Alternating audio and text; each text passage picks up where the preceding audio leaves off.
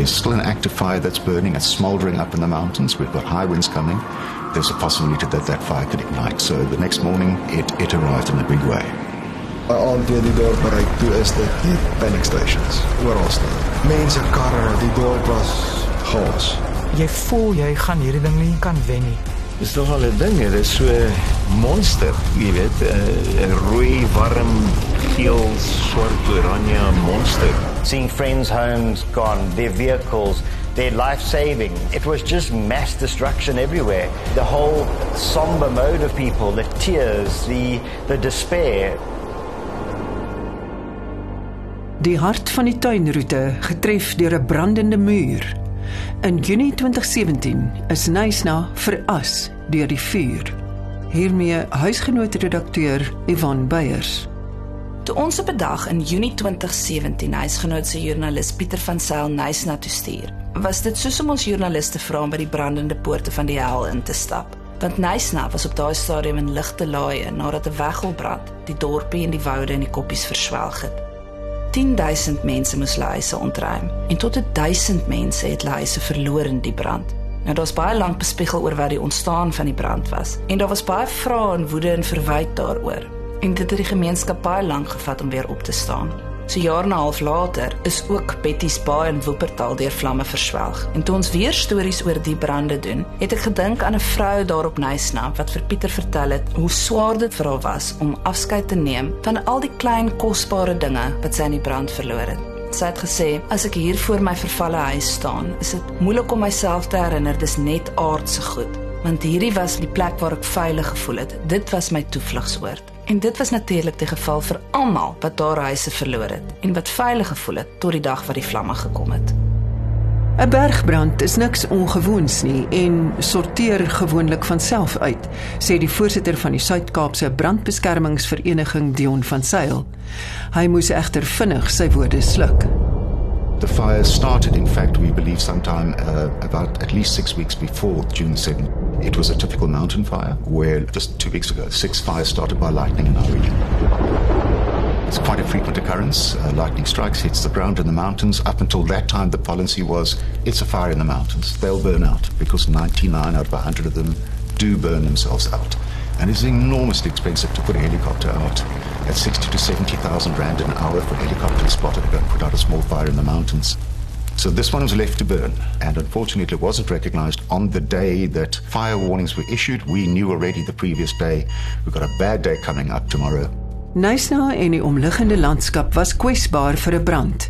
En 'n paar dae na die ramp het Pam Booth, omgewingsbestuurder van Nysna munisipaliteit, haar nuwe pos betree en dadelik begin om die skade te beheer. Look, it was the perfect storm. I mean, we'd had a drought, so already we had very, very dry fuel loads. And it wasn't just the fines, it's not just the leaf litter and the small branches. We had a very, very dry indigenous forest, and that was just ready to burn. Verskeie faktore, insluitend uitheemse plantegroei en die gebied se topografie, het bygedra tot die omvang van die verwoesting, verduidelik Jerome Simony van die Nasionale Seereddingsinstituut Stasie 12. You know, we had very, very strong gale force winds that day, warm berg winds, in fact. Neisner surrounded by a lot of alien vegetation, and that, with the biomass, was a fuel that created this massive fire.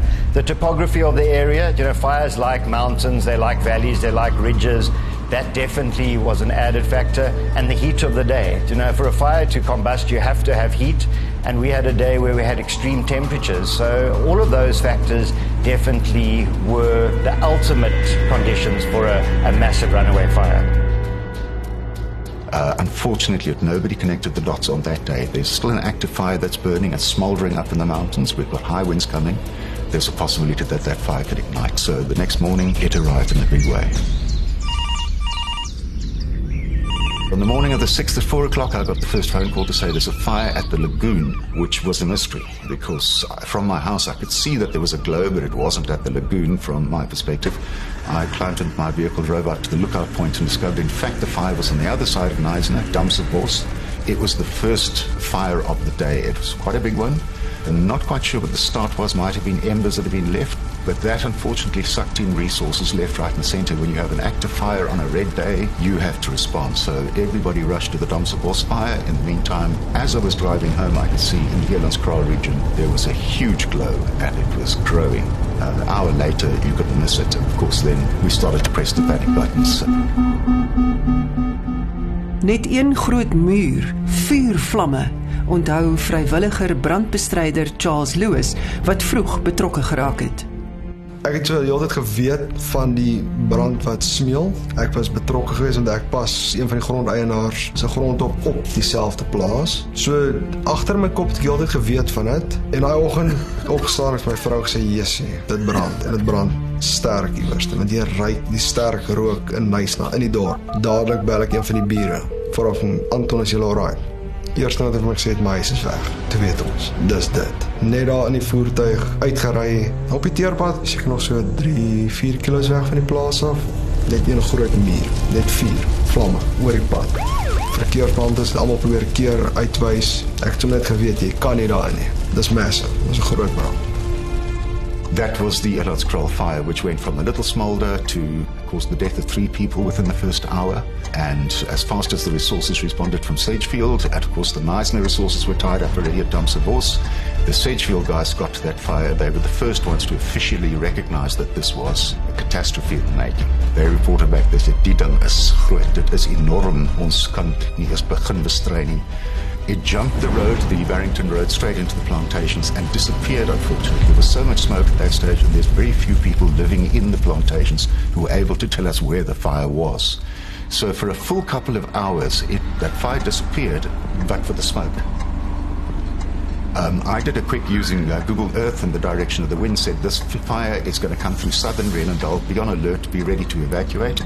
I think it'll be here at about 3 o'clock in the afternoon based on the information that we then had. It arrived at 12, so that's the speed at which was moving quite phenomenal. And the reports were starting to come in, people on the road saying there's a gigantic fire and it's heading straight for Neisner.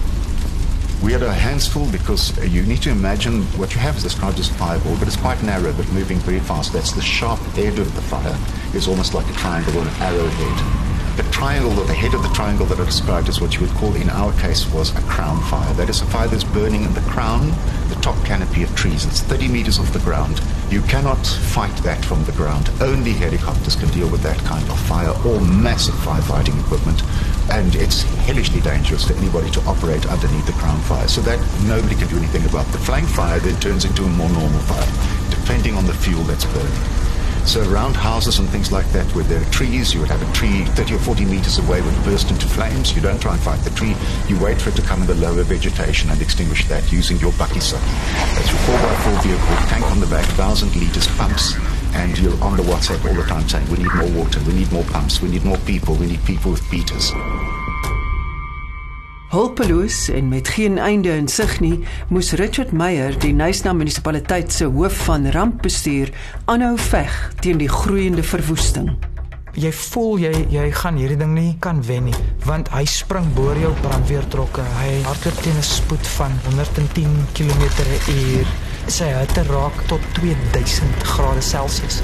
So dit smelt nie net plastiek, dit smelt staal My hoop het amper by deur uitgehardloop toe ek die helikopters in die lug kon sit want sodra jy in die lug op sit, druk die wind die propellers af en dit slaan die, die back-end af van dit. So jy verloor jou pilot, jy verloor jou vliegtyg.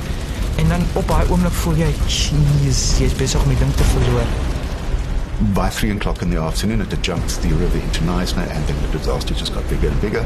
Fire had already moved into Belvedere, coming towards Brenton on Sea, and the reports just got worse and worse. Uh, there's Belvedere's burning. I got a call at about one o'clock from Clinton Manuel, the chief of the, the fire department, requesting urgent assistance at Belvedere. The wind speed, I reckon, got up to between 120 and 130 kilometers an hour. Now, hurricane is basically 65 knots, which is 120 kilometers an hour. That's what we were operating in. The swell height on the lagoon was exceeding one meter at times. The smoke was a real problem. The visibility was a problem. Breathing was a problem. We launched these two boats and we headed over to, to the Belvedere jetty where there was now a mass evacuation under control to get people from Belvedere back into town because they were really cut off from the outside world. Plaaslike joernalis Christo Plessis, wat sy huis in die ramp verloor het, deel sy sterk sintuiglike herinneringe van die gebeure. Dit was 'n baie aardige middag, jy weet, daai rooi bruin lig en verskriklik baie debris. En toe sien ons die rook en so en ons sien hoe kom die mense van Brenton met hulle besittings oor die treinspoor geloop en, en mense wat in bootjies ry. Niemand het gedink die vuur gaan oor die water spring nie, jy weet. Van oorkant die water tot in haar woning, vertel Susan Campbell hoe die vlamme haar huis verteer het. Die dag van die brande, toe ek uit my venster uit kon ek daai oorkant sien letterlik hoe die vuur spring van nêrens af nie tot reg oorkant my daar onder die toring. Toe hoor ek daar's 'n ander vuur wat ook kom van Elandskraal se kant af. The town had now been cut off from the outside world. So, in other words, the entry, both east and west, were blocked. I had assistance from just about every single rescue service in this area. Plettenberg Bay offered assistance, Wilderness offered assistance, but they couldn't get here. So, we were on our own. We had to deal with this. Dis natuurlik die probleem met Nysna. Daar's een pad in en een pad uit. En as die vuur van albei kante af kom, dan sê jy moer want beskiklik is almal in die dorp vasgevang jy is heeltemal magteloos want die maniere daai vuur versprei jy kan dit nie vir iemand oor vertel nie. Die lagoon kon dit nie eers stop nie hy het oor die heads gespring. Hierdie vuur het nou gespring oor die rivier en dit kom na Nice Heights toe dis waar ek gewoon het daai tyd. En teen die tyd wat ek opkom bo by my huis in in Nice Heights toe sit so 'n post apocalyptic sien maar almal jy weet die wind is oral en uh, almal strap hulle besittings op hulle kar vas toe ek uitry en ek kon so toe sien ek hierdie vuur opkom daar teen die bult. Yes, dit is 'n monster, jy weet, eh, 'n rooi warm geel swart oranje monster. Maar daai aand toe die dorp bereik toe is dit net panic stations oral staan. Van die polisie, ambulanse, mense karre, die dorp was chaos.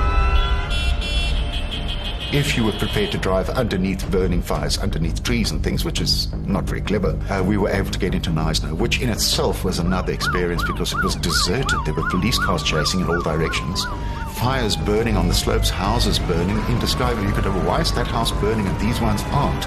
How is it possible? There's something burning down here, but there's no fire around it. Where, how did this fire get here? In die stadium toe ek ingegaan het dorp toe was net gas en almal het probeer net wegkom. Hulle het punte gehad waar mense bymekaar moes kom vanuit woonareas en die verkeer was mal. Niemand het geweet wat se kant toe nie. Die krag het ook op 'n stadium heeltemal afgegaan. Toe is dit nog meer chaos. Unfortunately, the Neisner Fire Department was unable to, to issue evacuations for all the areas because every single area was being affected. If you think of the whole town surrounded by fire, nowhere to go. Yes, you can tell people to evacuate, but where do they go? Um, so there was mass hysteria there.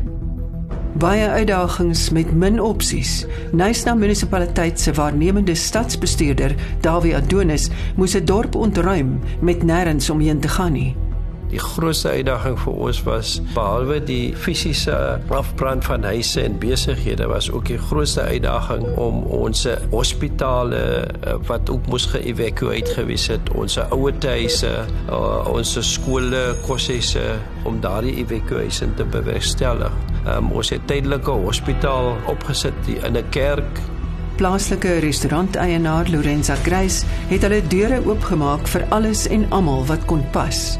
'n Noag ark wat tydens die noodgeval veiligheid en skuilings gebied het teen 'n nimmer eindigende ellende. Ons het die winkel en restaurant hier op Buffalo Bay en ons was betrokke toe Richard Meyer ons gebel het die middag laat om te vra of ons die restaurant sal oopstel as 'n holding plek.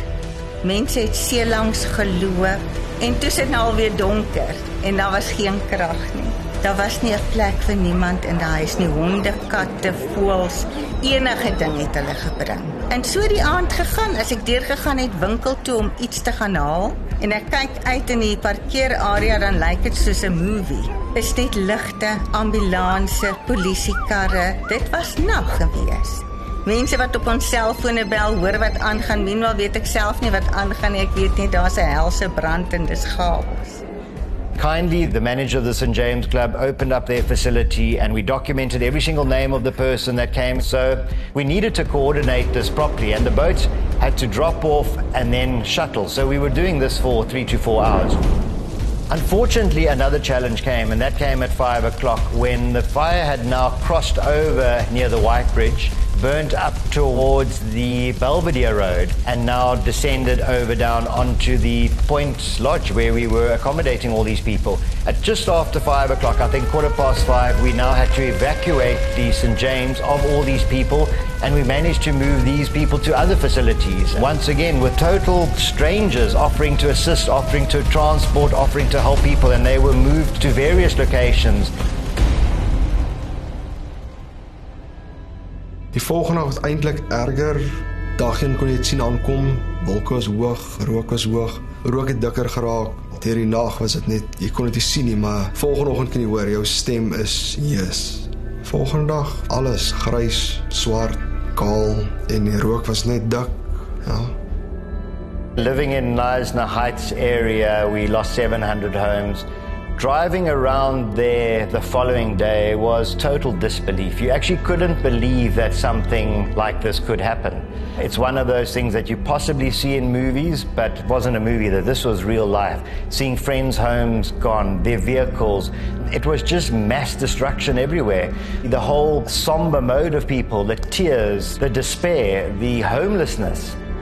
Ek het na my huis op gegaan die volgende oggend. Dis alles weg. Dit was 'n houthuis, die bakkie. Al wat oor was van die bakkie was sulke aluminium wat so op die grond gelê het wat amper gelyk het soos 'n Carol Boys kunswerk en net 'n raam. En my huis was was 'n houthuis. Alles was weg. Die volgende oggend is ek terug na die huis toe en ek en my dogtertjie. Eers, toe sien ons daar's nie eens 'n kar nie. Net meer net so silwer waar die engine gesmelt het en ek kom agter ek het nog die huis se sleutels.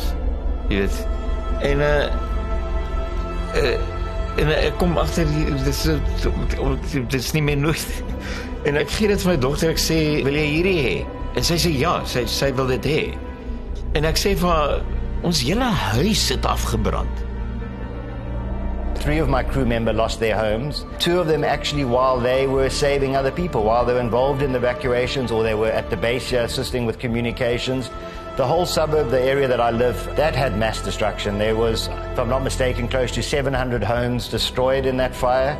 So that was really, really sad and, and a big loss for me. And especially that these two crew members were doing something, helping others, and they lost their properties. Huisgenoot joernalis Pieter van Sail beskryf sy tragiese en onwerklike ervaring van die Nysna brand. Ons het gehoor van die brande en ons het gesien op social media. Van ons lesers het ons actually gebel en gesê ons sit hier in ons huis en ons wag dat dit afbrand. So daar was 'n hysterie gewees uit die Nysna se rigting uit. Ons het al baie stories daar gedoen, so ons ken baie mense daar. En dit was net hierdie vreemde verskynsel wat aan die gang was. Huise wat geskiep word. Die een huis brand af en dan spring die vlamme letterlik oor die huis en brand die volgende huis af. Party strate is glad nie daardeur getref nie en ander is heeltemal afgebrand. Ek het al gestaan op van die tonele en gedink dit voel asof dit nie werklik is nie. Dit is soos ek's op 'n Hollywood stel. En dan kyk jy uit oor die meer en oor die beautiful view, maar die plek waar mense gebly het en dit geniet het, is weg om dit nice na so bekende dorpie as jy weet hierdie juweel aan die tuinroete was dit verskriklik om te sien hoe hierdie plekke afbrand. So dit was net hierdie hierdie beautiful dorpie aan die tuinroete wat in sak en as is. The following day, the Thursday, so the 7th was the fire day, then we had the 8th. And that's when there was over 1,100 firefighters down in the school fields. That was basically the, the operations center coordinating the firefighting efforts. And just to now realize that what we are witnessing here, it's real. You've got a thousand volunteer firefighters, you've got helicopters, you've got every single fire department from Cape Town, Johannesburg, Nelspruit, everywhere descending on Leisner we were dealing with one massive, massive disaster. We had that wild panic for about two days where we literally ran from place to place as the fires moved around. The wind changed direction constantly over the next few days. You'd get a couple of hours of relief, the wind would settle, and you think we're on top of it, but you best use that to get your stuff together again. Fix the equipment that's broken, find the equipment that's lost, find the people who went missing, get them all together because you're pretty sure within a few hours the wind will pick up again and you'll be fighting in another place. En dan op 'n punt waar jy ons noem dit jy anker vuur tot ons dit kon doen om hom te druk tot op 'n punt waar hy kan doodbrand en die wind het bietjie gaan lê. En toe was dit die tweede, derde dag wat ons hom kon anker en dan kom jy agter jy's besig om hierdie ding te wen. Tydens dit voel jy hierdie ding hardloop net waar hy wil. There were no big fires after that, but there were fires popping up everywhere constantly. For those seven or eight days, every day we woke up and knew if the wind changed direction, we'll have to get back there. Ons het twee sportvelde omskep in tydelike areas waar die weermag gevestig was. En dan die ander een was by die Nysna Hoërskoolveld. En ek moet sê ons korporatiewe maatskappye soos jou kettingwinkels het geweldig gehelp om daardie mense op 'n 24 uur basis te voed en in voorsien en dan moet ek ook sê dat die enorme hulp wat Suid-Afrika aan ons gegee het, jou NGO's, jou CBO's, jou uh, regeringsinstellings, uh, was oorweldigend. Ons uh, hotelle, ons gastehuise het hulle harte oopgemaak om van hy mense te huisves. Mense van oral het klere gestuur, komberse gehekel. Dit was wonderlik geweest. Tannies wat koekies bak en kospakkies maak en ek moet sê dit was 'n pragtige ding om te sien. A natural disaster like this galvanizes the community spirit. People have been amazing here. Everything's been organized for us, another house to live in, clothes for the kids. You know, within within hours of getting out of here, everything was taken care of, you know. So I think that says a lot for South Africans and for the spirit that lies deep in the community, you know, especially when everyone's out there fighting fires all night, two days in a row. There's still time for everyone to look after each other, which is amazing. Ons het omtrent so 2300 huise verloor waarvan 900 amper 1000 huise in jou meer gegoede areas is en dan in jou informele gebiede het ons omtrent so 150 informele huise verloor en so in die 40 formele huise. So ja, ons het 7 lewens verloor in die proses waarvan 6 civilians was en dan een vrywillige brandweerbeampte. Meer as 1000 huise is verwoes, maar die vernietiging het baie dieper gegaan, verduidelik die plaaslike joernalis Eugene Gunning wat een van die vrywillige brandbestryders se begrafnis bygewoon het. President Zuma het nou toe gekom het en hy het omtrent ek dink die 16 Junie het hy na toe gekom en toe ry hy na Plettenberg Bay toe om 'n begrafnis te gaan bywoon en dit was die begrafnis van 'n meneer Bradley Richards. Hy was 'n vrywillige brandbestryder. Hy het help brande bestry, maar hy het aan sy wonde beswyk by die begrafnis sit president Zuma daar en die familie van meneer Richards en heel voor in die kerk nou sit 'n man met die naam van Ian Barnard en ek het hom onmiddellik herken hy was op televisie gewees en hy het verbande gehad wat so reg om sy kop gedraai was en en ek ek weet nie of sy kinders was nie maar hulle het die hele tyd op sy skoot geklim en mense ek gedink nou wat gaan deur die man se gedagtes? En toe die diens nou verby is toe stap ek nou buite en ek gaan hom toe en ek sê kan ek met jou praat? Ek sê ja nee sy sal praat sê familie staan aan een kant. En ek was minder as 'n meter van hom af gewees en en ek kon sien daai wonde van die brand en toe het ek besef maar joh dis nie net huise wat afgebrand dis nie boeke en aandenkings want dis mense wat seer gekry het fisies. En daar was baie Bradley Richards en daar was baie Ian Barnard in daai brande en hulle almal is helde.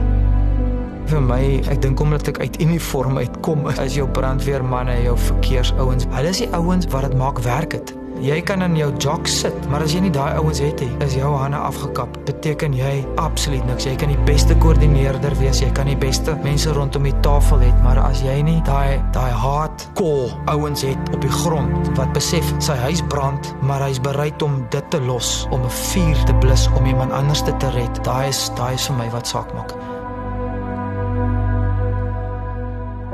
Ek dink mense moet onthou dat aan die begin het dit relatief goed gegaan gegee wat die omstandighede. Daar was belangstelling van reg oor die land.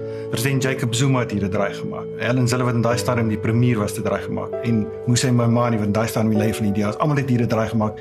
Die land se fokus was hier op almal het goed geskenk, kos, klere, speelgoed En dit het so wees ek sê dit met respek relatief goed gegaan. Maar ek dink later het die mense die realiteit begin insig. Toe die mense nou begin besef maar hulle het huise moes ontruim. Hulle het nie meer 'n dak oor hulle kop nie. Waar gaan hulle bly? Hulle kan nie tog in hulle motors bly. Hulle kan nie die res van hulle lewe by vriende of familie gaan afpak nie. En 'n ander belangrike punt ook was nie almal was baie goed geassureer nie of party mense het glad nie assuransie gehad nie. So twee dae later dan daai oproep kom sê hallo Mr. Depressie. Uh, jy weet dis 'n insurance company wat nou about those all risk items, those two computers and ek sê luister, jy weet dis niks nie hier nie. Ek staan hier, hier enkel diep in die as. Daar's niks nie. Dis alles weg. Dis dis gone. Dan is natuurlik die krisis van 'n jaar lank om die sente te melk uit die insurance company wat 'n trauma in sy eie reg is natuurlik. Daar was baie mense wat ook nie verseker was nie. En dit is nou een van die sad kant van hierdie ramp dat uh, mense het hulle laaste eiendom verloor en hulle was nie verseker nie. So ek kan verstaan dat die finansiële kapasiteit is nie daar om hulle lewens en hulle huise weer te herbou nie. After the fires, I got a sense that Nasdaq was starting to rebuild itself. Even though we had this economic impact prior to the fires, people were standing together, people were helping each other, there was compassion. Irrespective of who you were or what you did, there was just help coming from everybody. Both people locally, both nationally, internationally. Everybody got around Neisner and said, guys, come on, you can do it and you can recover. And Neisner did start recovering thereafter. Die fokus was op die heropbou van Nysna want as 'n dorp 1300 huishoudelike en besigheid eiendom verloor in 'n ramp is 'n enorme terugslag vir enige dorp en ekonomie. En ons uitdaging was om dit te begin heropbou hulle 200 huise binne 'n paar dae weer gebou vir mense in die informele nedersetting waar daar vernietiging was en waar daar verlies was, was daar ook opsies vir 'n nuwe begin. Jy weet, kom ons kyk hoe ons die dorp beter kan maak. In hierdie stadium is daar 'n klomp mense wat hulle huise weer herstel het en van nuuts af oorgebou het. Daar is ook 'n klomp mense wat verkies het om nie dit te doen nie vanweë die traumatiese ervaring en daar is huise wat nog steeds staan wat niks aangedoen is nie wat nog steeds in dieselfde toestand is as wat dit was ten tye van die ramp. There has been a recovery. It's been a slow recovery, um, but there's still evidence of the fires. There are still properties that represent the fires from four years ago. I think the recovery is going to take many, many years. In 10 years' time, we'll look back and say, yep, Knives the Fires, it, it, did some good. There was some positive in it. There was rejuvenation of the vegetation. Possibly people thinking about how do we prevent something like this from happening in future. And I'm most certainly more mindful of it now to keep your property clear of alien vegetation, to make sure that you aren't a fire risk. And I think that was our biggest issue, is that we were a fire risk, and we had been for many years. We are in a fire zone, so we need to protect ourselves against this. Alien vegetation is such a danger. That was the fuel that, that ignited Neisner. I started work here at Neisner Municipality five days after the 2017 fires. So, my main job after the fires was basically looking after the ecological recovery. You know, there's the immediate response, then there's the middle term response, and then there's the long term response. The immediate response was really getting out into the landscape. And I'll, I'll, never forget the one resident saying he opened his front door and the mudslide came through the front door and out the back door. The medium term was building an awareness campaign around invasive alien plant management and the role it plays in fire and water security and getting people more aware of what they can do at the local level, at the individual level. But of course, we can't come along and say you need to do this and our own house is not in order. So we got uh, an approved uh, invasive plant control plan in place and we started implementing it. So if you look around now and you see there's a property in the middle of town that's clear of invasive alien plants and the one next to it is not, that's probably a municipal property.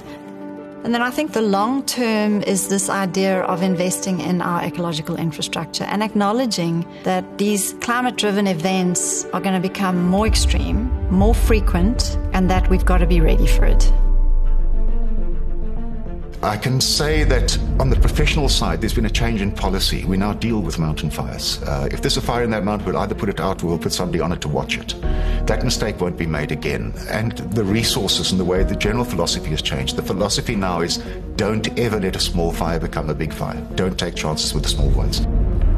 There will be another big fire. I can't say when, but there will be more fires because all the fuel is still there. There's a mistake that people think that the area around here burnt. It just cut a nice path. If the same fire were to start five kilometers north of where that fire started, there is a perfectly unburned section of 20 year old material that could burn, and we could have another fire of that size coming into Neisner, but not to the front, but to the area back where you have Damsabos and uh, very, very dense population, which will make this, as a human tragedy, make the first one look minuscule. That's the bad news. Soos die vlamme vergaan, staan die Nysna gemeenskap verswelg deur die vuur saam in die as en sien 'n nuwe begin. Vrywilligers en inwoners herbou hulle huise, veg terug teen die verwoesting en laat die vlamme 'n ewige lig van hoop en herstel word. Nysna se verhaal skyn deur die donker, 'n simbool van veerkragtigheid en solidariteit wat vir ewig sal hou. Ek is Ruda Landman en dit was huisgenoot se ware lewensdramas.